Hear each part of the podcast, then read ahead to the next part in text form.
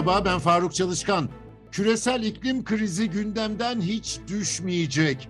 Küresel sıcaklık artışının nelere yol açacağına dair tahminler tek tek gerçekleşiyor. Devletler de adım atmak ya da adım atıyor görünmek durumunda kalıyor. İskoçya'nın Glasgow şehrindeki iklim zirvesinde bir takım genel hükümlerde anlaştılar. Ama dün çok ilginç bir haber daha dünya medyasında yer buldu. Dünyanın en büyük iki ekonomisine sahip Amerika Birleşik Devletleri ve Çin iklim konusunda işbirliği yapacaklar. Glasgow zirvesini takip eden Anadolu Ajansı'nın kıdemli muhabiri Gürhan Kartal bu yayında konuğum. Gürhan katıldığın için teşekkür ederim. Önce Glasgow'un sonuçlarına bakalım mı neler oldu orada? E, Glasgow e, iklim zirvesi e, Birleşmiş Milletler tarafından e, düzenlenen ve İngiltere'nin e, ev sahipliği yaptığı en büyük zirvelerden biri olarak tarihe geçiyor, geçmekte. Glasgow'da e, ilk iki gün e, dünya liderlerini gördük. Orada iklim kriziyle ilgili e, atılması gereken acil adımların görüşüldüğü bir platform oluşturuldu. İlk iki günde yapılan açıklamalar vardı. Birincisi ve önemli olanlardan iki tanesini söylemek istiyorum. Birincisi dünyadaki ormanların yok edilmesinin hızla sona erdirilmesi e, ve bu konuda e, devletlerin e, adımlar atması. İkincisi de metan gazı salınımının e, süratle e, düşürülmesi. E, bu iki açıklama e, geldikten sonra bu zirveden çok umutlu olmayan bir kısım aktivistler e, bile acaba mı e, diye bir e, düşünmeye başladılar. Yani bu zirve e, bizi herhangi bir yere götürür mü? Bir umut e, doğdu. Daha sonra da e, biraz önce sizin söylediğiniz gibi Amerika ve e, Çin arasında e, büyük bir anlaşmaya varıldığı açıklandı. Bu anlaşmanın kapsamını nasıl buluyorsun? Neler var içinde? Şimdi bu anlaşmanın kapsamına geçmeden önce e, bu anlaşmanın neden önemli olduğunu biraz açıklamaya çalışayım. E, şimdi bildiğimiz gibi e, dünyada en çok e, karbondioksit salınımına e, yol açan iki ülke e, Çin e, ve Amerika Birleşik Devletleri. Çin her sene 11,5 e, megaton kadar bir salınıma e, yol açıyor. E, Amerika Birleşik Devletleri'ne baktığımız zaman bunun üçte biri kadar yani 5,1 megaton e, yıllık bir salınıma sebebiyet veriyor. Bunu e, Avrupa Birliği, Hindistan ve Rusya izliyor. E, tabii daha daha az miktarlarda olmak üzere. Şimdi bu iki ülkenin geçtiğimiz yıllarda ticaret savaşlarından kaynaklı bir önceki Amerikan Başkanı Donald Trump'ın dengesiz politikalarıyla e, ne hale geldiğini ve iklim e, anlaşmasından yani Paris anlaşmasından da e, çekildiğini e, anımsayacak olursak e, bu anlaşma gerçekten çok önemli. E, yani dünyayı en çok kirleten karbondioksit e, bazında e, iki ülkenin e, bir araya gelip e, bunu e, sınırlandırmak ve azaltmaya yönelik bir açıklaması. Yani bu e, çok güzel bir gelişme olarak değerlendiriliyor en büyük iki kirleticinin böyle bir anlaşmayı imzaladıklarını ilan etmeleri bile sembolik olarak değer taşıyor. Şimdi içeriğine dönelim mi? İçeriğine baktığımız zaman e, Amerika ve Çin e, ortak bir deklarasyon yayınladılar. E, temiz enerji, e, kömür kullanımı, metan gazının azaltılması ve ormanların yok edilmesinin yasaklanması e, üzerine bir e, ortak deklarasyon.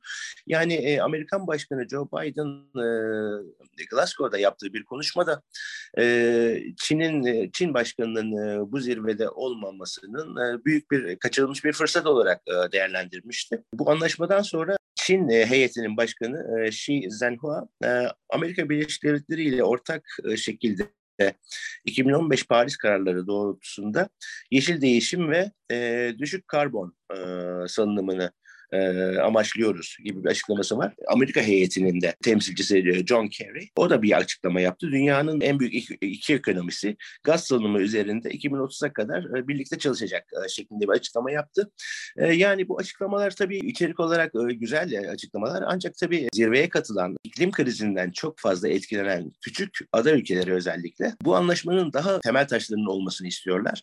E, açıklama metin, metininin daha e, belirleyici e, kelimelerle donatılması yapılmasını istiyorlar. Yani somut hedef istiyorlar. Çünkü bir buçuk derecelik hedefe ulaşmak için çok ciddi adımlar atılması lazım. Glasgow'da şu andaki ortalama sıcaklıkla ilgili ne tür şeyler konuşuldu? Bu adımların yeterli hale gelmesi konusunda devletlerin dışındaki aktörlerin ne tür yorumları vardı? Şimdi Glasgow'da bir buçuk e, derece e, hedefinin tutturulması için yoğun bir çaba harcanmasına rağmen Greenpeace olsun, e, genç neslin e, temsilcisi Greta Thunberg var hepimizin tanıdığı e, İsveçli e, iklim aktivisti. E, onların da bir sürekli bir eleştirileri var e, özellikle COP26 ile ilgili.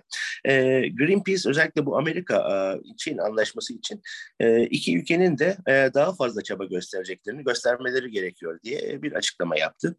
E, Greta Thunberg zaten bildiğimiz gibi e, bütün bu COP26'nın e, lafı güzaftan öteye geçmeyeceğini e, söylüyor sürekli. E, yalnız dikkatimi çeken bir açıklama oldu e, yine dün e, bu Amerika-Çin e, anlaşmasının ardından. E, Küçük Ada Devletleri Dayanışması e, diye bir oluşum var. E, bunlar Pasifik'te ve diğer e, okyanuslardaki küçük ada devletlerinin e, temsilcilerinin e, bir araya gelmesiyle o, e, oluşturulan bir e, e, platform. E, bunun başkanı Aubrey Webson yaptığı bir açıklamada e, Amerika-Çin anlaşmasındaki e, metin ileri doğru atılacak adımlar için e, temel oluşturuyor. Ancak e, dili çok zayıf.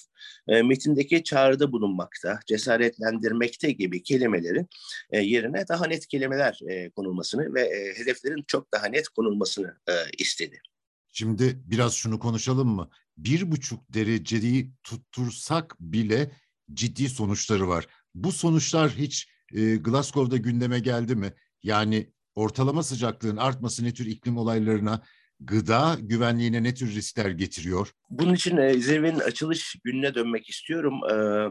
E, e, hepimizin tanıdığı yine e, Sir David Attenborough, e, yani büyük bir e, belgeselci. Onun e, yaptığı bir e, konuşma vardı ilk gün. Oldukça duygusal ancak tamamı bilimsel gerçeklere dayanan bir konuşmaydı bu. Orada Attenborough atmosferdeki karbon e, miktarının çok önemli olduğunu, bunun şu anda 414 e, ppm e, seviyesinde e, bulunduğunu, yani bu milyonda e, bulunan parça sayısı ve bu sayının hızla e, aşağı doğru çekilmesi gerektiğini e, söyledi. Ve e, duygusal olan yanı kendisi 93 yaşında olduğu için ben hayatım boyunca çok büyük bir e, yıkım gördüm bu konuda. Ancak siz kendi hayatınızda e, hayat sürenizde e, bunu geriye doğru çevirebilirsiniz dedi. E, oldukça büyük bir etki e, oluşturdu e, salonda. Dünya liderlerinin de bulunduğu. Bu bir buçuk derecelik hedefe mutlaka ulaşılması gerektiğini de açıkladı. Çünkü e, bir buçuk derecelik hedef tutturulamazsa e, ki bunu zaten iki dereceye doğru da çekme uğraşı da var e, bir tarafından. Bir buçuk ve iki derece arasında deniyor şimdi. Gerçekten dünya çok büyük bir yıkıma doğru e, süretle gidecek. E, özellikle 20 sene, 30 sene sonraki e, süreci düşünebilirsek. Çünkü e, sıcaklığın alt, artması hem de deniz seviyesinin yükselmesi hem güvenli e, yiyecek e, bulma e, sıkıntısını e, ortaya çıkaracak ve e, gerçekten dünya büyük bir yıkıma doğru gidecek maalesef. Londra'dan Gürhan Kartal'a çok teşekkür ediyorum. Bizi hangi mecrada dinliyorsanız orada abone olmayı lütfen unutmayın. Hoşçakalın.